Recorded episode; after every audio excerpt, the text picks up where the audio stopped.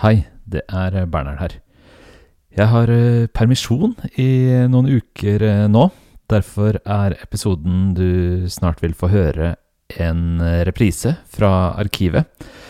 Vi er tilbake med nye episoder uken etter påske, men enn så lenge, god lytting.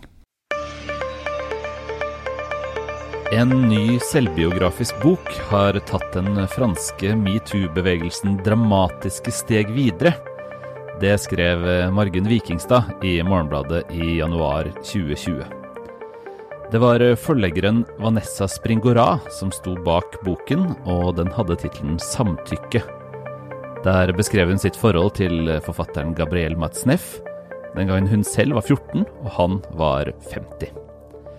Tidligere i høst utkom eh, denne boken på norsk, og den har vi tenkt til å snakke om i denne ukens episode av eh, Morgenbladets eh, bokpodkast. Jeg heter Bernhard Ellefsen og er bokansvarlig i avisa. I den andre enden av telefonlinja har jeg Ane Farsetås, kulturredaktør. Hei, Ane. Hei, Bernhard. Ja, eh, dette er en bok som vi som sagt skrev om da den kom på fransk første gang. Eh, det er jo snart to år siden. Eh, men den har jo kommet på norsk og fått veldig flott mottagelse også. Så vi tenkte det var en gyllen anledning til å plukke den opp igjen, for du har lest den.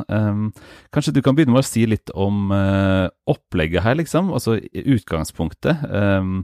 Springora skriver altså om et slags forhold, som er et ord ikke, som ikke smaker så godt da, i denne sammenhengen, må jeg si, til en mye eldre forfatter, Gabriel Matzneff, eh, under tittelen 'Samtykke'.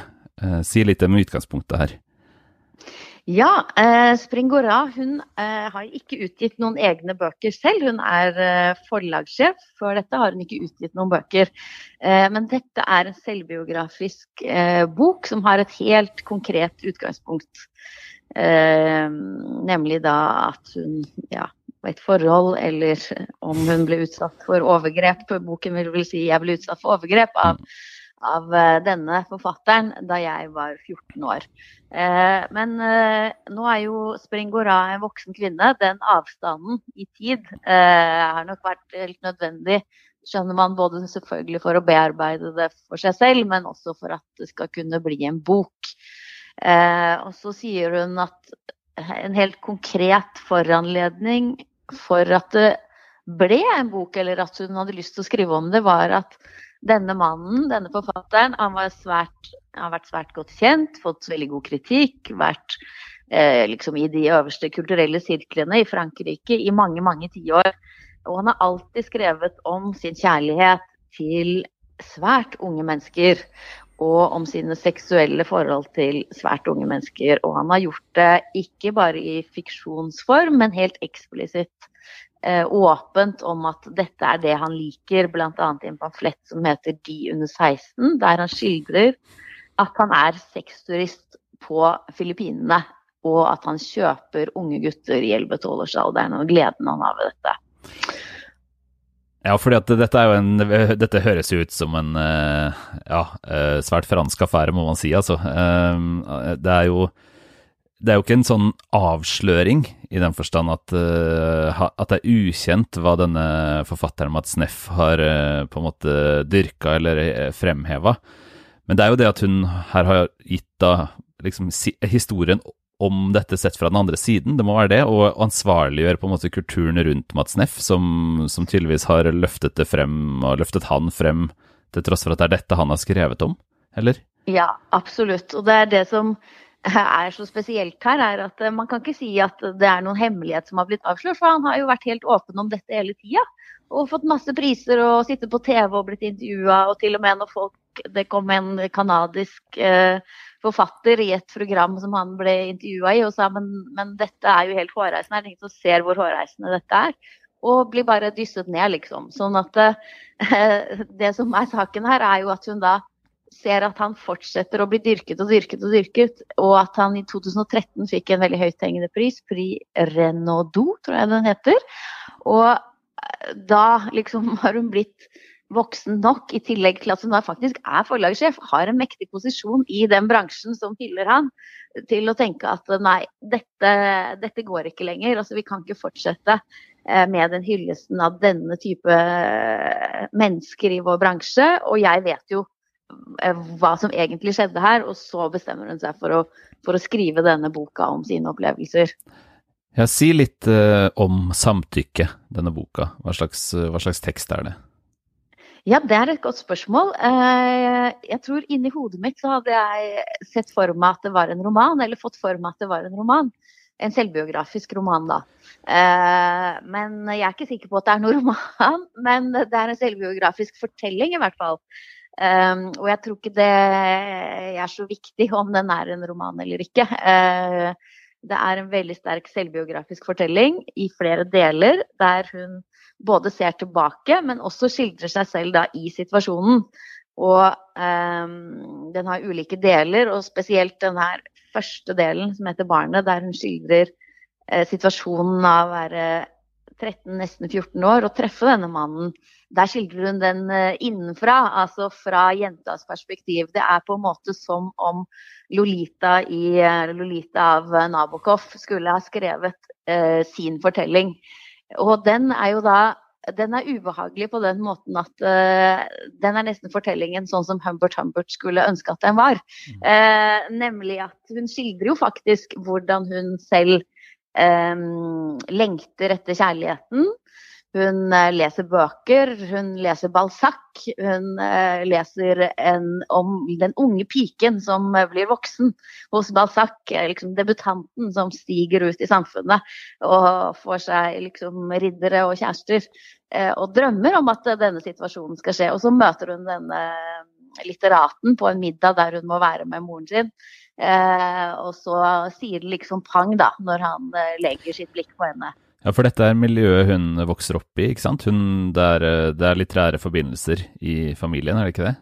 Det er en ja, grunn til at de møter denne litterære forbindelser. Det, det, altså, det, må være noen moren kjente, da, som kjente, mm. uh, kjente disse uh, forfatterne videre. For det er tilf et tilfeldig, ganske tilfeldig møte. Uh, men den er veldig sterk, den skildringen der.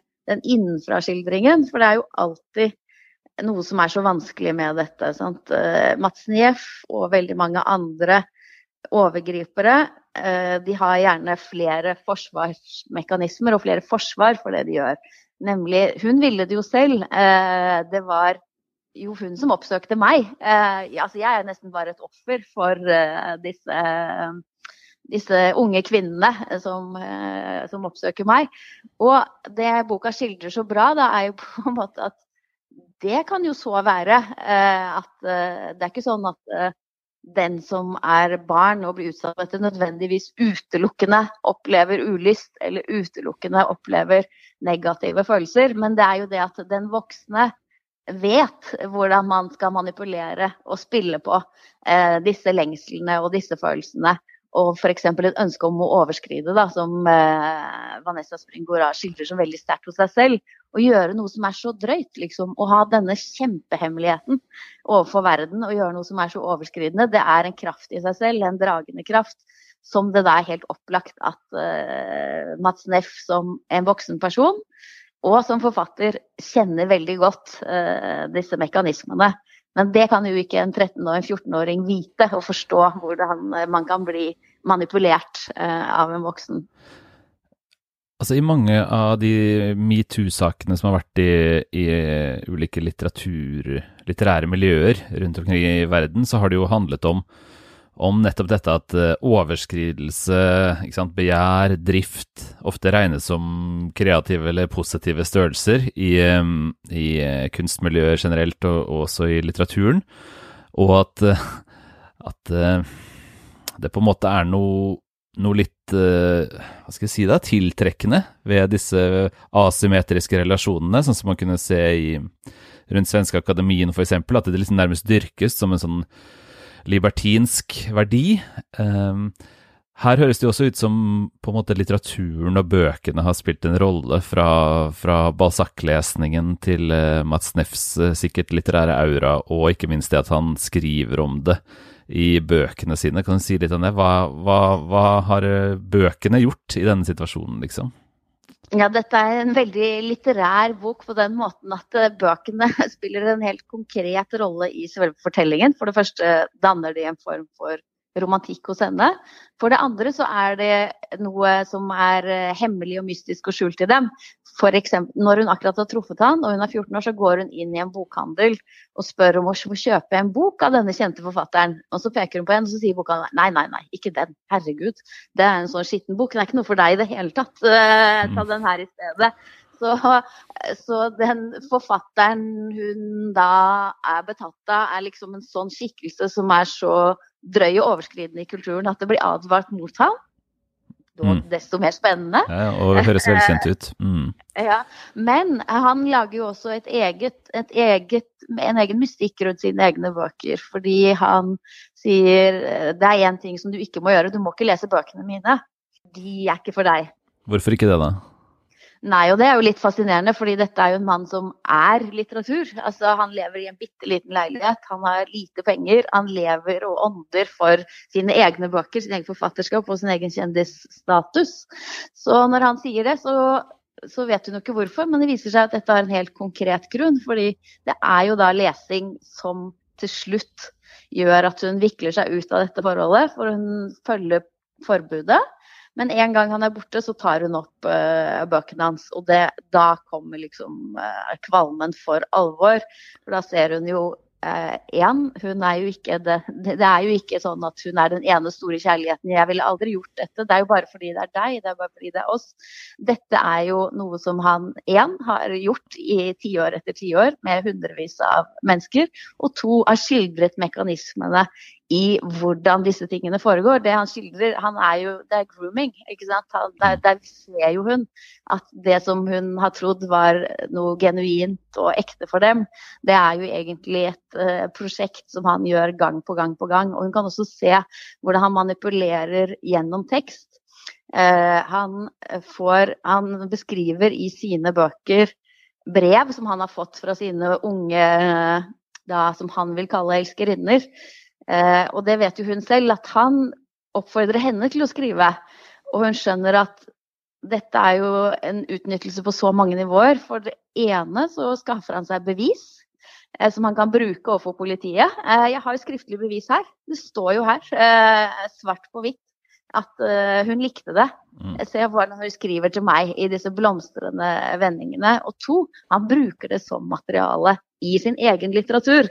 Altså han anvender ord for ord direkte eh, brev eh, som han har fått. Og det gjør han da senere med Vanessa Springoras brev.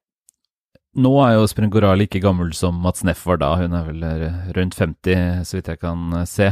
Så dette er jo lenge siden. Er det noe boka tar med, altså tiårene etterpå.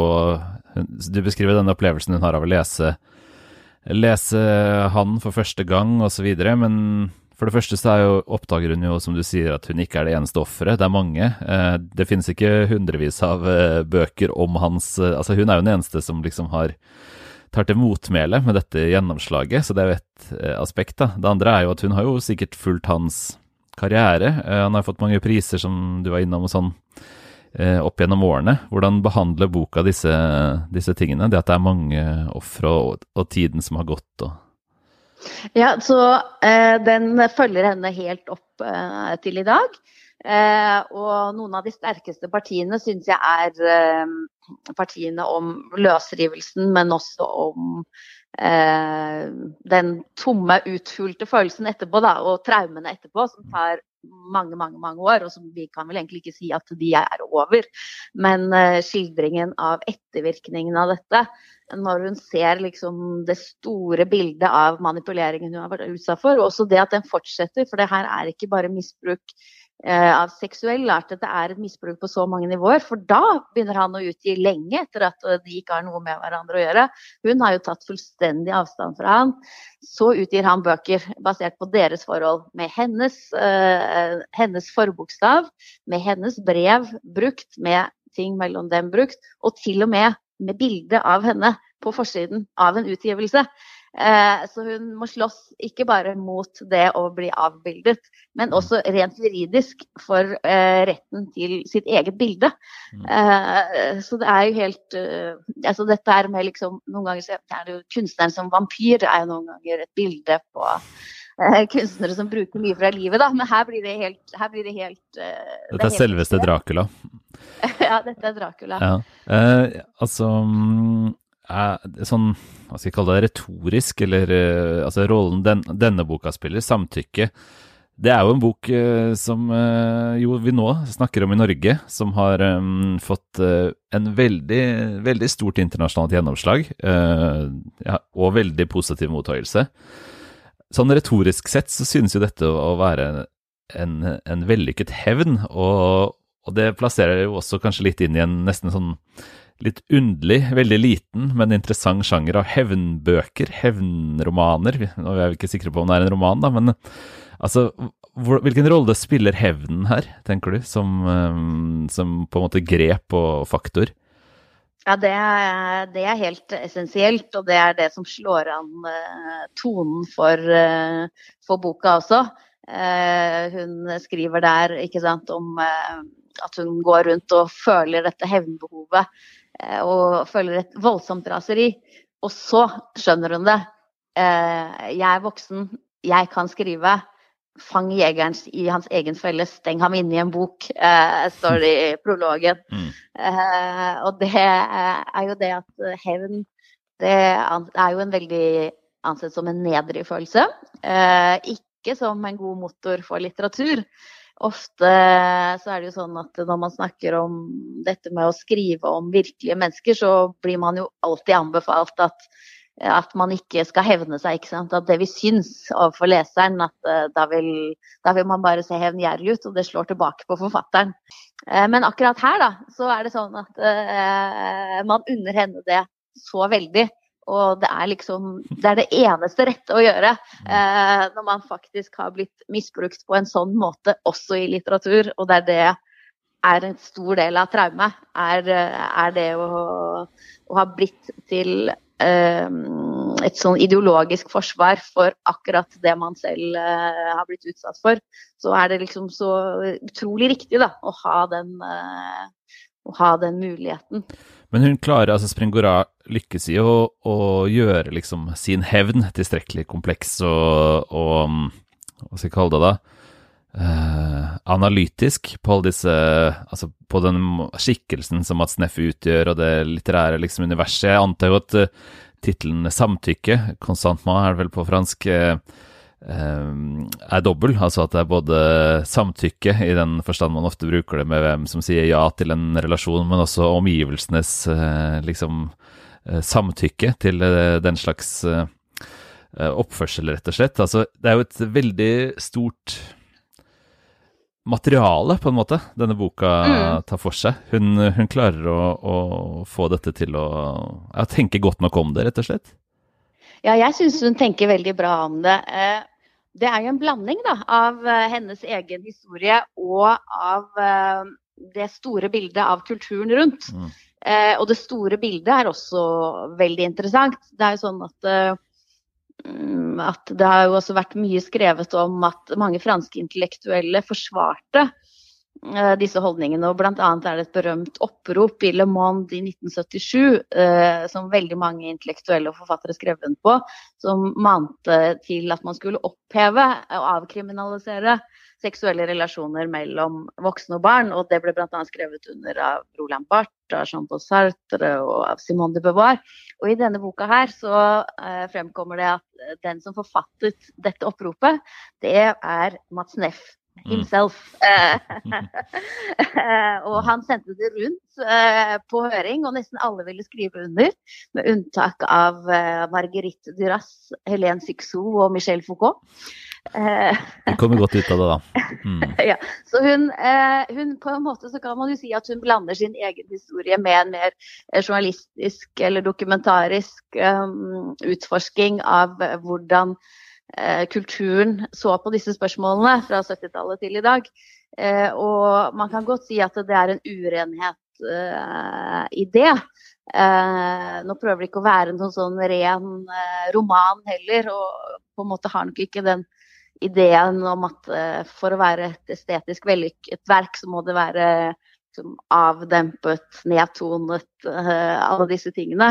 Jeg ser at um, Sumaya Girde Ali skriver en interessant anmeldelse på vinduet.no, som jeg kan anbefale å lese den anmeldelsen. At hun syns at det spriker for mye i stil. Mm. Og at disse kapitlene blir for forskjelligartede. I liksom det unge barnets kapitler og den voksnes refleksjoner. Eh, for meg så oppfatter ikke jeg det som noe stort problem. Eh, jeg kjøper det eh, at det er forskjellig språk og stil for disse forskjellige, forskjellige perspektivene. Ja, fordi at I hvert fall så høres det ut som det er et tvisyn her som peker inn i et annet spørsmål jeg har notert meg, nemlig at, at det er jo noe ubehagelig i skjæringspunktet mellom på en måte etikk og estetikk, eller, eller eh, offerrolle og makt, eh, i en, i en sånn vellykka hevn som dette, fordi det er jo helt åpenbart mange andre ofre. Eh, som helt sikkert ikke er eh, utrolig gode forfattere og filmskapere og forlagssjefer, og, og vinner denne liksom makten til å ta igjen. Og det er jo noe man, man, ser for seg må være innreflektert, og kanskje er det nettopp i at den tar disse to perspektivene, da, det litt mer sånn kulturhistoriske og makroperspektivet og eh, vitnesbyrdsperspektivet, og kjører de sammen. Eh, fordi det må liksom være med der som en bevissthet om at eh, jo, det er jo, flott, det er jo flott å kunne ta igjen, liksom, eller flott å kunne analysere og diskutere og ta til motmæle, men det er det jo de færreste som, som kan. Absolutt, og det er jo også da et annet, et annet offer som spiller med her. Eh, som også er en, en, vekker for henne selv. Da. Når hun er voksen, så eh, kommer det en annen eh, kvinne bort til henne. Eh, og hun gjenkjenner denne andre kvinnen som en jente som nettopp ble sammen med Mats Neff rett etter henne, og som hun da kunne føle en viss sjalusi overfor. Mm. Eh, Nå er det hun som er den foretrukne og den dyrkede. Så møter hun denne kvinnen, som, og så setter de seg ned og snakker sammen, og så sier hun Nathalie, som hun heter, at eh, å, jeg ville bare liksom snakke med deg, for jeg tror du har opplevd det samme som meg. Og mm. så liksom, er det jo akkurat det samme som har skjedd. og eh, Forfatteren kan se at hun har akkurat det samme grå, lidende eh, uttrykket som henne selv, da, og har gjennomgått det samme, sånn at andre mennesker blir med her. Og jeg synes også, altså Dette er en bok som de siste kapitlene de kunne helt sikkert fra et litt sånn rent litterært perspektiv vært sløyfet. For der er det mye om traumebehandlingen seinere, hva hun har måttet gjøre selv for å kunne fungere i livet og i forhold. Eh, og det er også slutter faktisk med en helt sånn entydig eh, til leseren, der det står eh, helt sånn svart på hvitt at eh, litteraturen hever seg over alle moralske dommer, men som forlegger er det vår plikt å minne om at en voksen person som har et seksuelt forhold til en som er under seksuell ravn, begår en kriminell handling som straffes etter loven. Sånn, det var ikke så vanskelig. Til om jeg kunne skrive de ordene. Så det slutter veldig sånn eh, veldig tydelig. Mm. Og det er klart at eh, mange vil jo si at eh, en sånn så tydelig moral hører ikke hjemme i litteraturen. Eh, det er det motsatte av på en måte god litteratur, da, som skal være åpen og ambivalent.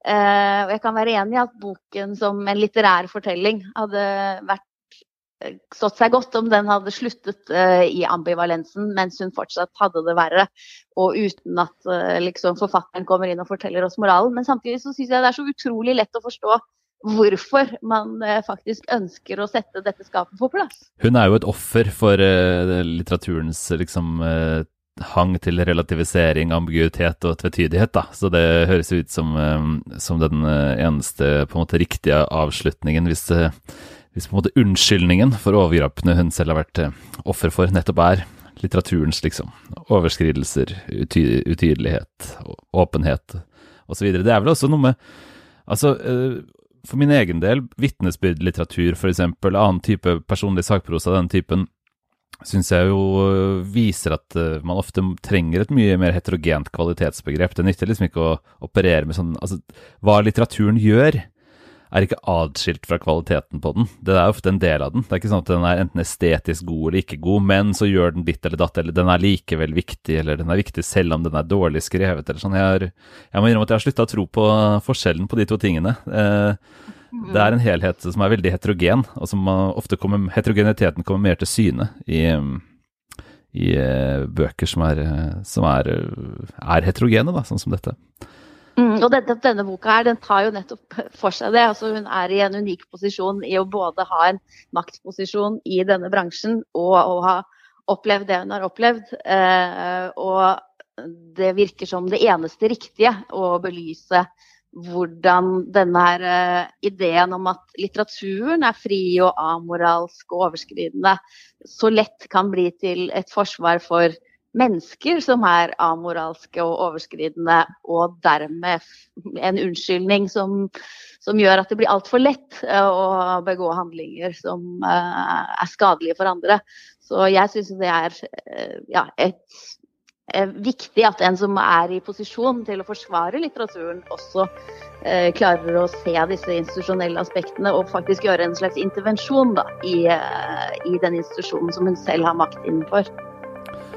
Yes. Uh, vi har snakket om Vanessa Springoras uh, bok 'Samtykke', en av de viktigste oversatte bøkene uh, på norsk i høst. Eh, et søk på Springora i Morgenbladets arkiv eh, sender deg til eh, Margunn Vikingstads tekst fra januar 2020 om samme bok. På morgenbladet.no kan du også abonnere på avisa. Det håper vi selvfølgelig du vil gjøre. Og så snakkes vi neste uke, Anne. Takk for praten. Takk for praten.